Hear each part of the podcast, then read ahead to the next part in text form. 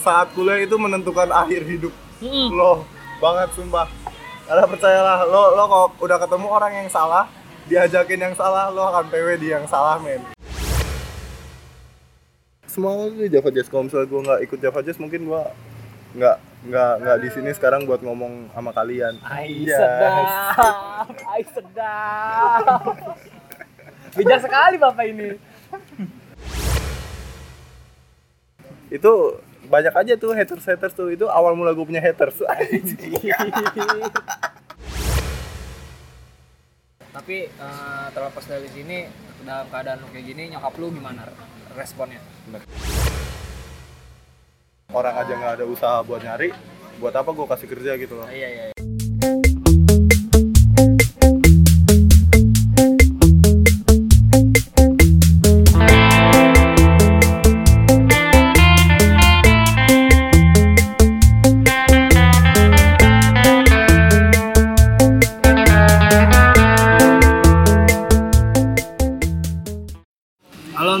Milenials di mana pun kalian berada, balik lagi sama gua Rahmat di podcast Suara Anak Milenial. Nah, kali ini gua lagi sama admin Lambe Turah. admin Lambe Turah. Sebelumnya makasih yang masih dengerin kita walaupun ada yang dengerin ada yang dengerin, Pak. Ada 200 orang apa? sumpah Sumpah. anjing Hampir 300. Ah, ke 200 orang gue yakin itu followers muda-mudi Anjing. Ah, makasih yang udah dengerin. Semoga rezekinya dilancarkan. Dan makasih juga buat admin podcast Indonesia yang udah nge-repost tiap kali uh, update uh, apa uh, podcast gua update selalu di repost. Makasih banget. Dan yang udah nge-repost dari SoundCloud makasih juga. Tapi makasih banget. Eh, sekarang gua lagi sama ini nih admin muda-mudi titik JKT ay, JKT 48 Ngalahin JKT48. mau ngalahin JKT 48 Nah, perkenalan dulu deh, perkenalan Hello, what's up, people of the world? My name is Dama Adikara. I'm right here at uh, Jakarta. I'm going to talk about uh, a youth that, yoi, so bahasa Inggris. Nggak, nggak, gue orang Indonesia kok sebenarnya. Gue mau sedikit ngomong aja sih tentang uh, peran aktif uh, anak muda dalam suatu acara. Tapi gue lebih spesifiknya ke acara luar kampus atau luar organisasi ya. luar Jadi- daerah bukan luar daerah luar daerah Lu- lebih tepatnya freelance freelance sih gue Oh, iya. yakin banyak banget tuh yang sering freelance kan makanya gue mau sharing sharing dikit lah kesotoyan gue Yoi. lumayan dapat makan kan oh iya lu lu lu ah, admin apa nih admin Instagram apa muda-mudi itu apa muda-mudi oh oh iya. Pertama kenalin dulu gue Dama. Tadi udah sih. Takutnya ada yang nggak ngerti bahasa Inggris. Takutnya. Eh, ntar ada translator di bawah. Ada nggak sih? Kagak ada anjir. Salah salah. Nggak ada yang nelfon lagi. Terus terus. Eh, gue sebenarnya sa- sa- bukan salah satu sih. Satu-satunya founder dari Muda Mudi Jakarta. Mungkin kalau lu sering kalau lu punya Instagram, lo sering nyari job, mungkin sadar nggak sadar lu udah follow gue. Ya. Dan makasih banget yang udah follow dan yang belum follow coba aja cek at mudamudi titik JKT gue yakin lo butuh job dan di situ gue sharing job dan buat yang pengangguran buat yang buat yang pengangguran. nggak usah yang pengangguran. Ya yang pengangguran juga sih. Ya, buat yang buat yang lagi cari experience yang lagi di kampus cari-cari poin gue yakin tuh banyak kan poin eksternal poin eksternal tuh Iya, iya, wajib iya, kan tuh poin eksternal. Nah ini gue berbagi berbagi rezeki dapat poin dapat duit dapat temen gue aja dapat jodoh aja Anjay. Nah, lu mau nge-share tentang apa nih? Nge-share tentang experience apa nih? sebenarnya gue mau cerita aja sih tentang eh karena gue udah cukup lama di dunia event, dunia freelance, dunia kru, gue banyak banget ketemu orang, gue banyak dapat pengalaman baru, gue banyak banyak dapat duit, banyak dapat link, dapat banyak koneksi. Dapat tempat pijit yang banyak gitu. Anjing. tempat pijit. Channel tempat pijit channel, yang bagus. channel tempat pijit yang bagus dan murah. Iya. Kadang kenal sama terapisnya loh. Lo lo lo lo lo. ya gue gue mau mau cerita sedikit aja sih betapa serunya di acara-acara kayak gitu mungkin mungkin yang udah mungkin yang denger ini kalau misalnya udah pernah ikut gue yakin lo bisa ngerti dari point of view gue tapi gue akan ngejelasin dari yang mungkin belum pernah ikut atau yang kira-kira lagi ragu nih gue ikut nggak ya gue ikut nggak ya worth it nggak ya gue uh, cabut kuliah demi ini worth it nggak ya gue um, ngeluar apa ngeluangin waktu gue demi ini semua kira-kira Ya, dan mungkin uangnya juga nggak seberapa daripada capeknya kan biasanya kan kayak gitu. biasa kayak gitu tapi percayalah the process is much more fun than you are on top especially kalau misalnya di dunia-dunia kayak gini yang seru itu proses-prosesnya ketika lu ketemu orang baru kenal orang terus dapat io io yang ngehe dan lain-lain itu seru sih. Maksud Ehe apa tuh? ya ada aja io io yang tahu gitu. Sekarang apa ya ceritain apa ya? Dari awal kali ya? Dari awal kali ya? Iya dari awal. sebenarnya awal gue bisa sampai sekarang itu perlu proses yang nggak sebentar which is gue sekarang di muda-mudi gue punya followers itu udah nyentuh mau 3000 nih Tiga ribu yoi. udah mau 3000 itu perlu perjuangan yang Tanpa beli followers ya. tanpa beli followers tuh itu butuh waktu yang nggak sebentar dan untuk untuk gua ngeyakinin gua harus bikin hal yang kayak gini pun gue juga melalui proses yang jauh lebih panjang daripada gue nyentuh 3000 followers tuh. Nah, gimana gimana? Gue mulai awal IO acara-acara tuh ketika gue bener-bener habis lulus kampus which is 2014 tuh awal gue yakin banyak lo semua yang baru lulus kan nah baru lulus SMA itu menurut gue emang bener-bener lo dapat kebebasan banget sih cuman di situlah momen lo bisa nentuin hidup lo tuh ke mana anjas Iya jas aja. antara positif atau negatif itu bener-bener di situ lo lo orang pertama yang ketemu saat kuliah itu menentukan akhir hidup Mm-mm. lo banget sumpah karena percayalah lo lo kalau udah ketemu orang yang salah diajakin yang salah lo akan PW di yang salah men Iya iya iya iya iya. Susah untuk berubah. susah untuk berubah bukan bukan bukan nggak bisa tapi akan susah karena lo akan udah dapat zona nyaman sendiri. Iya, mending kalau zona nyamannya positif. Kalau- zona nyamannya negatif who knows kan? Awal gue pertama kali itu gara-gara teman gue ikut DWP 2014 which is ya? Iya. 2014 padahal nih teman gue nih dari daerah. Terus tiba-tiba dia dapat job aja terus gue kayak gue merasa iri gitu loh. Iya, iya. kayak kok dia bisa ya? Terus kok gue juga baru pertama kali tahu kayak oh kayak gini tuh ada open recruitmentnya kayak gini tuh ada dia butuh orang banyak kayak gitu kan. Padahal dia yang dari dari luar kota ya. Kita yang asli Iya. Jakarta asli ya. padahal yang iya padahal dia aja kagak tahu DWP itu apa tapi dia bisa dapat lu bisa bayangin gak gue betapa irinya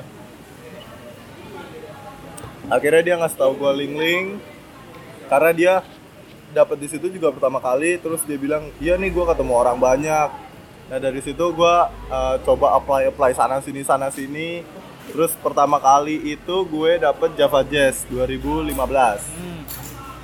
itu awal pertama kali gue terjun ke dunia event nggak punya experience apa apa nggak punya pengalaman apa pun nggak kenal siapa pun dengan nekat gue keterima untuk ngurus artis internasional lo bisa bayangin nggak me standing there just graduate from high school terus don't know anything terus kayak tiba-tiba dapat menurut gua pada saat itu adalah tanggung jawab yang gede banget karena mereka itu ya ibarat itu orang bule men Iya. itu orang bule men jadi kayak lo di- dikasih kepercayaan nih kayak nih urus nih orang nih gimana Iya, iya. caranya gitu kan lo lo dengan buta acara buta event kagak tahu stage kagak tahu apa kan well it's a risk it's a it's a risky move bagi gue Ah. untuk io pada saat untuk io Java Jazz ya tapi mereka eh, yang yang bisa bikin gue kagum adalah mereka percaya dengan orang-orang baru ini termasuk gue termasuk gue mereka percaya dan dan ya udah akhirnya gue karena mereka percayakan ini ke gue jadi ya gue mikir kayak oh ya udah gue harus bisa bikin nih orang percaya lah sama gue lah Ah. Eh, dulu dah.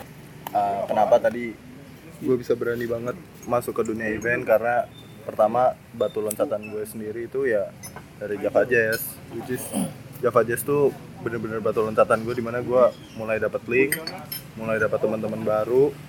Terus ya di situlah gue mulai awal tahu dunia event terus mulai kenal-kenal banyak orang eh, banyak dapat acara baru. D- d- dari awal semua semua tuh Java Jazz. Kalau misalnya gue nggak ikut Java Jazz mungkin gue nggak nggak nggak di sini sekarang buat ngomong sama kalian Ai Yes. sedap, ai sedap. Bijak sekali bapak ini. Emang jago kalau yang kata kayak. Emang jago merangkai kata ini. Emang rangkaian-rangkaiannya kan gue anak ilmu komunikasi, masa nggak bisa nyari topik sama dia? Iya iya iya iya. Terus eh, lanjut eh, gue abis dari Java Jazz itu acara kedua gue yang paling gue inget. Pokoknya eh, beberapa acara awal-awal gue itu yang gue inget banget karena ya itu merupakan eh, apa ya? Ya tonggak gue lah sampai gue bisa sampai sini. Ibarat kayak it's a foundation of me yang nge-build me sampai sekarang. Gak apa-apa Bego, gak apa-apa ini. Gak apa-apa. Keren sih. Gak apa-apa. Eh pip itu kopi gitu dong di sing ntar gue kan nge-share ini di muda mudi ntar kalau followers gue denger di unfollow gue. Yang tadi ngomong jorok itu namanya Hilal at Hilal Salsabil. Itu di unfollow aja. Pacarnya at Terus, terus, terus, keluarga gue kakak gue dibuka. kakaknya dibuka. Terus eh, lanjut eh, dari Java Jazz. Balik lagi. Dari Java Jazz gue dapet link ke Ismaya Eh, gue pertama kali itu ikut acaranya One Direction. Nah itu gokil tuh sebenarnya. Gue nggak begitu suka One Direction tapi dapat acara One Direction. Lu bisa bayangin kan seberapa irinya fans fans One Direction. Ja- waktu itu masih zaman pet. Waktu itu masih zaman pet.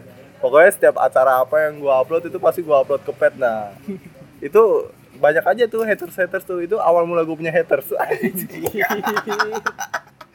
Geli banget. Ntar bionya ganti public figure. Cepet banget, cepet banget. Udah kepedean nih. anjing, anjing. Jadi public enemy lama-lama gue Bukan public figure, public enemy anjing. public enemy gue pokoknya singkat cerita eh gue bisa setahun itu gue punya 12 pokoknya gue sebulan sekali lah. It- itu itu ya tapi itu kalau dari sisi eh, apa namanya sisi event ya tapi kalau kita lihat dari sisi edukasi sisi kuliah gue itu itu itu cukup berantakan men. Karena eh, eh, balik lagi ceritain tentang event. Pokoknya Kuliah, kuliah. ya maksudnya kita kita dari, dari event dulu. Pokoknya intinya gue berjalan event itu cukup lama. Ada kali gue selama tiga tahun itu merintis karir di dunia event. Anjas. Pokoknya gue eh, gue personally gue dari acara-acara musik acara-acara seminar acara-acara kenegaraan itu alhamdulillah udah gue pernah cobain semua. Gue mulai dari acara yang cuma dibayar tiket acara yang cuma dibayar makasih mulai dari situlah pokoknya naik dari 50 ribu 150 ribu 250 ribu sampai sekarang ya udah alhamdulillah banget lah kalau misalnya hitungan per hari gue. Ngeliat jam terbang lu juga kan. Iya ngeliat jam terbang gue juga kan udah udah cukup lah kalau lihat portofolio gue juga alhamdulillah udah udah banyak eh, udah udah udah banyak acara yang gue handle personally ya mulai banyak bule banyak bahkan gue bahkan sampai udah ke level menteri pun udah udah gue pernah cobain gitu loh. Mulai, eh, mulai dari acara-acara metal yang rambutnya gondrong sampai lu harus tiba-tiba jadi rapi itu kayak itu semua udah merupakan fase-fase yang udah gue lewatin semua lah gitu. Nah, eh kalau lo lihat semua hidup gue dari sisi enaknya pasti selalu enak tapi eh, ada juga eh, hidup gue dari sisi yang gak enaknya itu dari sisi gue gue karena dari dari gue bisa sampai ke fase ini itu eh, banyak banget yang harus gue korbanin gitu loh. Waktu yang gue korbanin itu cukup banyak gitu loh. Eh, salah satunya adalah kuliah. Kuliah adalah salah satu eh, apa ya korban utama lah ibaratnya dari dari acara-acara gue ini gitu kuliah itu jadi ya ya ibaratnya kuliah itu jadi kuliah gue jatuhnya sih berantakan karena gue hampir gue itu sempat di Al Azhar satu semester. Terus eh, karena emang jadwal kuliahnya yang nggak cocok sama kehidupan event gue akhirnya gue mutusin untuk eh, keluar.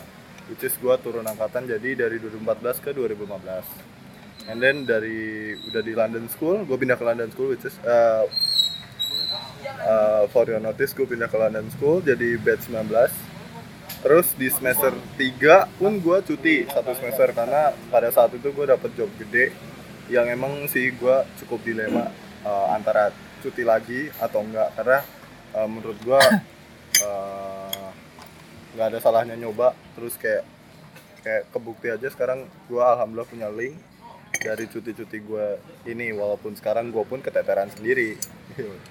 Curhat anjing. Terus terus terus. terus? Lu nangis deh, viral pasti. iya ya ngomongin tentang pit pit yang ngomongin mantan mantan gue itu viral itu pasti Tapi mantan yang paling indie. anjing. Aliran sendiri dia mah terus eh, apalagi ya?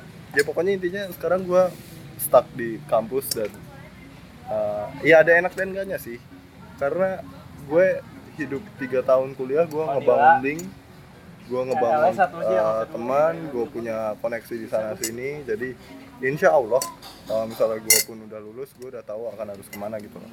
Menurut gue eh, itu harus dibayar mahal dengan gue cuti ini. Ya kalau misalnya gue udah dapat pegangan menurut gue I think it's worth it gitu loh. Gue jadi ibarat kalau misalnya lulus tapi di kampus nggak ngapa-ngapain lo kan harus adaptasi lagi di luar terus harus cari link sendiri dan it, it, it, it gonna takes time gitu loh. Dan nggak nggak nggak sebentar kan ada mungkin orang uh, udah lulus cepet tapi nggak dapat tetapi uh, dapat kerjaan yang nggak enak selama satu atau satu dua tahun which is berarti dia wasted dia- berarti dia waste uh, satu setengah tahun kan untuk itu. Menurut gua uh, sementara itu lo udah di dunia kerja gitu loh lo udah uh, harus self economic sendiri kan ada nggak sih self economic Bisa sih. Iya. Ada lah udah adain lah. ya ada Udah lah. Lu juga disuruh jelasin lu nggak. Udah lah. Iya aja iya. Iya aja udah. ya pokoknya ya sementara ya beruntungnya gue adalah gue uh, mundur satu setengah tahun tapi insya Allah ke depannya gue udah ada pegangan gitu loh jadi gue lulus gue tahu apa passion gue apa yang gue mau dan gue mau gua, dan gue tahu gue harus ke mana jadi menurut gue uh, uh, itulah bayaran mahal untuk untuk ini semua jadi uh, happy ending lah insya Allah gitu loh Tapi eh, terlepas dari sini dalam keadaan lu kayak gini nyokap lu gimana responnya? Kalau sebenarnya jadi ngomongin keluarga. Enggak kasarnya ada kasarnya. Sebenarnya kalau dari Dari bokap- awal dari dukung bokap, dukung atau kalau bokap nyokap gue sendiri eh mereka ngedukung. Karena eh typically gue adalah orang yang introvert pada saat SD SMP SMA di mana gue nggak aktif sama sekali dan tiba-tiba gue kuliah gue ak gue aktif banget. Jadi itu eh, menurut gue kuliah itu sebagai turning point bagi gue jadi draw my life ini. Sambil digambar dong Riz pokoknya itu intinya itu jadi eh, kampus itu jadi turning point gue lah untuk karena gue udah lu- karena gue udah keluar dari wajib sekolah 12 tahun tuh eh 12 ya? sembilan lah pacak wajib sekolah mah Oh iya, sembilan nih. lu dua belas SMA tiga tahun empat enam tahun tuh apa-apa, biar masuk. eh Eh bener 12 oh dua belas ya Tuh kan sekarang siapa yang goblok? Eh, Temen aja ngecengin lu dah. emang gue tahu. Karena emang orang sukses tuh anginnya banyak, anginnya banyak. Kan semakin di atas, semakin di angin. iya iya iya iya Main layangan gitu. Kalau makin ke atas makin tegak nggak menunduk dah. Iya, iya. Makin congkak. ya intinya kam- eh, balik lagi tadi kampus itu menjadi turning point gue di mana gue udah gue ketemu kom- community baru teman-teman baru semua jadi kayak ibaratnya I'm rebranding myself gitu loh jadi people yang banyak people orang-orang teman-teman gue yang dari SD SMP itu yang tikungan. SMA SD, ya pokoknya SD SMP SMP SMA mereka mereka ngeliat gue uh, a new a new uh, a new type of person gitu. Mereka ngeliat gue kayak kok lu jadi ikut acara-acara ini sih dam? Kok lu jadi sini sih dam? Kok lu di sini sih dam? Berubah And then, 90 derajat. iya kayak 180 dong. Oh iya udah. Ya iya. Baru 45 sih. Siku siku dong. Siku siku dong. Sama sisi. Ya Kenapa naik? suruh isi ini? dari perubahan itulah. Ah, eh, gue take positifnya aja lah kayak ya udah nggak apa-apa kuliah. Eh, cabut-cabutan tapi tapi hal itulah yang bikin gue sampai sekarang. Bahkan kadang banyak kok eh, Mau gua kirim kon banyak kok nggak sedikit eh, ke anak kelasan gue Lu ada yang punya IP lebih tinggi dari gue kadang nanyain job ke gue kadang jadi anak buah gue kadang uh, jabatannya di bawah gue. Menurut gue ya this is the real life gitu loh. Lo kalau di kuliah ya you, you're on a, you're on a education institution gitu loh. institusi pendidikan yang yang it's not uh, it's it's a part uh, itu kayak se- sebelum lo jadi bener-bener of uh, a man gitu loh. A man atau orang-orang yang bener-bener life gitu loh. Karena lo masih ada institusi lo masih punya kewajiban. Iya. Ya, jadi menurut gua eh, emang sih kampus itu udah setengah karena kalau misalnya lu bisa eh, tambah lagi dengan setengah dengan acara kerja-kerja di luar, freelance di luar gitu. Mengisi waktu luang Ya mengisi waktu luang. Toh kita juga ada libur. Kampus kan banyak libur ya. Kampus banyak eh, off-nya. Nggak, lu kan nggak kampus 24 jam kan. Dari jadi gimana caranya lo memaksimalkan waktu yang ada. Lo punya waktu. Kita punya. Gua, gua intinya ya lo punya 24 jam 8 jam itu 6 ya 8 atau 6, 6 atau 8 jam tuh lo kuliah berarti lo masih punya sisa waktu spend banyak 8 jam lo tidur. Berarti you, you still have like what 10 hours gitu loh Nah, kayak 10 hour yang bisa lo maksimalin gitu loh iya iya iya iya. Sudah, sudah gitu. Eh, apa lagi ya? Nah. Apa? da- da- mau masuk ke muda-mudinya. Iya iya Mas Budi. Nah, dari link-link gue itulah setelah bertahun-tahun gue dunia kerja, dunia event, terus gue mulai mikir kayak gini, eh, kenapa gue mulai muda-mudi? Nadia, cewek Jadi, kamu belum? Terus masuk nggak? minum dulu bro. Awal terbentuk dari muda-mudi. Masuk nggak? Oke, eh, sebenarnya ini agak klise sih, atau agak clingy atau apalah, atau agak cheesy, maybe you, you gonna think like that. Tapi ini yang gue pikirin. Eh, gue sering ikut job, sering ikut kerjaan, sering freelance sana sini. And then gue otomatis uh, I join a, a new community, uh, a new life, a new friend gitu loh. Oleh karena itu kita uh, there- there's gonna be a group, a lot of group. Nah dari grup itulah bakal di share share kerjaan, share share uh, peluang-peluang, share share freelance segala macam. Dan gue ngeliat banyak temen gue kayak mikir, mikir gini, oke, gue bisa gue bisa kayak gini karena gue punya chance, karena gue punya peluang, karena gue punya link. Kenapa gue gue itu jadi link? Iya. Ngerti nggak sih? Ah. Kenapa? Why don't I turn myself into a link? Jadi kayak gue bisa berguna gitu loh untuk teman-teman kampus gue segala macam dan banyak banget sih sebenarnya kayak sebelum gue bikin muda-mudi teman-teman gue tuh selalu nanya kayak dam ada kerjaan apa lagi dam ada kerjaan apa lagi dan yang nanya itu cuma satu dua gitu loh. bisa banyak dan bisa puluhan gue mikir it's gonna get uh, intinya temen gue ya? intinya eh, bakal capek lah kalau misalnya lu harus eh, keep update ke satu-satunya eh, ke teman-teman lo satu-satu gitu. Jadi why don't I make uh, some kind of platform uh, di Instagram uh, where people can follow it and I update it there. Jadi semua orang punya chance yang sama semua orang punya kesempatan yang sama untuk ikut gitu loh.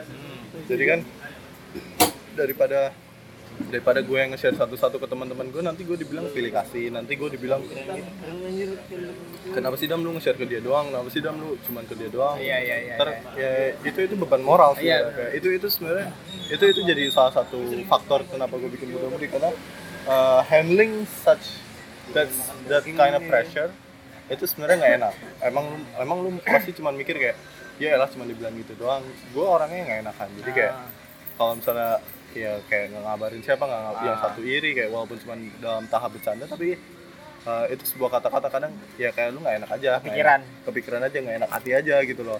Jadi makanya uh, daripada gue yang nge-reach out mereka kenapa nggak mereka yang nge-reach out gue dengan cara muda-mudi ini? Makanya konsep utama muda-mudi adalah I'm a, I'm a, I'm social media platform yang di mana gue nge-share job, nge-share event, uh, nge-share freelance segala macam. Gue berharap dari kayak gini pun uh, banyak teman-teman gue, alhamdulillah yang udah follow, terus banyak juga yang udah dapat kerjaan. Jadi banyak juga yang sering nanyain gue bahkan gue sering bahkan gue pernah beberapa kali kok ketemu teman-teman gue di acara yang sama. Terus mereka bilang iya nih dam gue dapet sini dari dari IG muda mudi lo. Thank you ya dam thank you ya dam. Nah itu it's more likely kayak lebih enak itu didengar daripada lo dibilang kayak lo kok nggak share gue sih? Lo kok nggak share gue sih?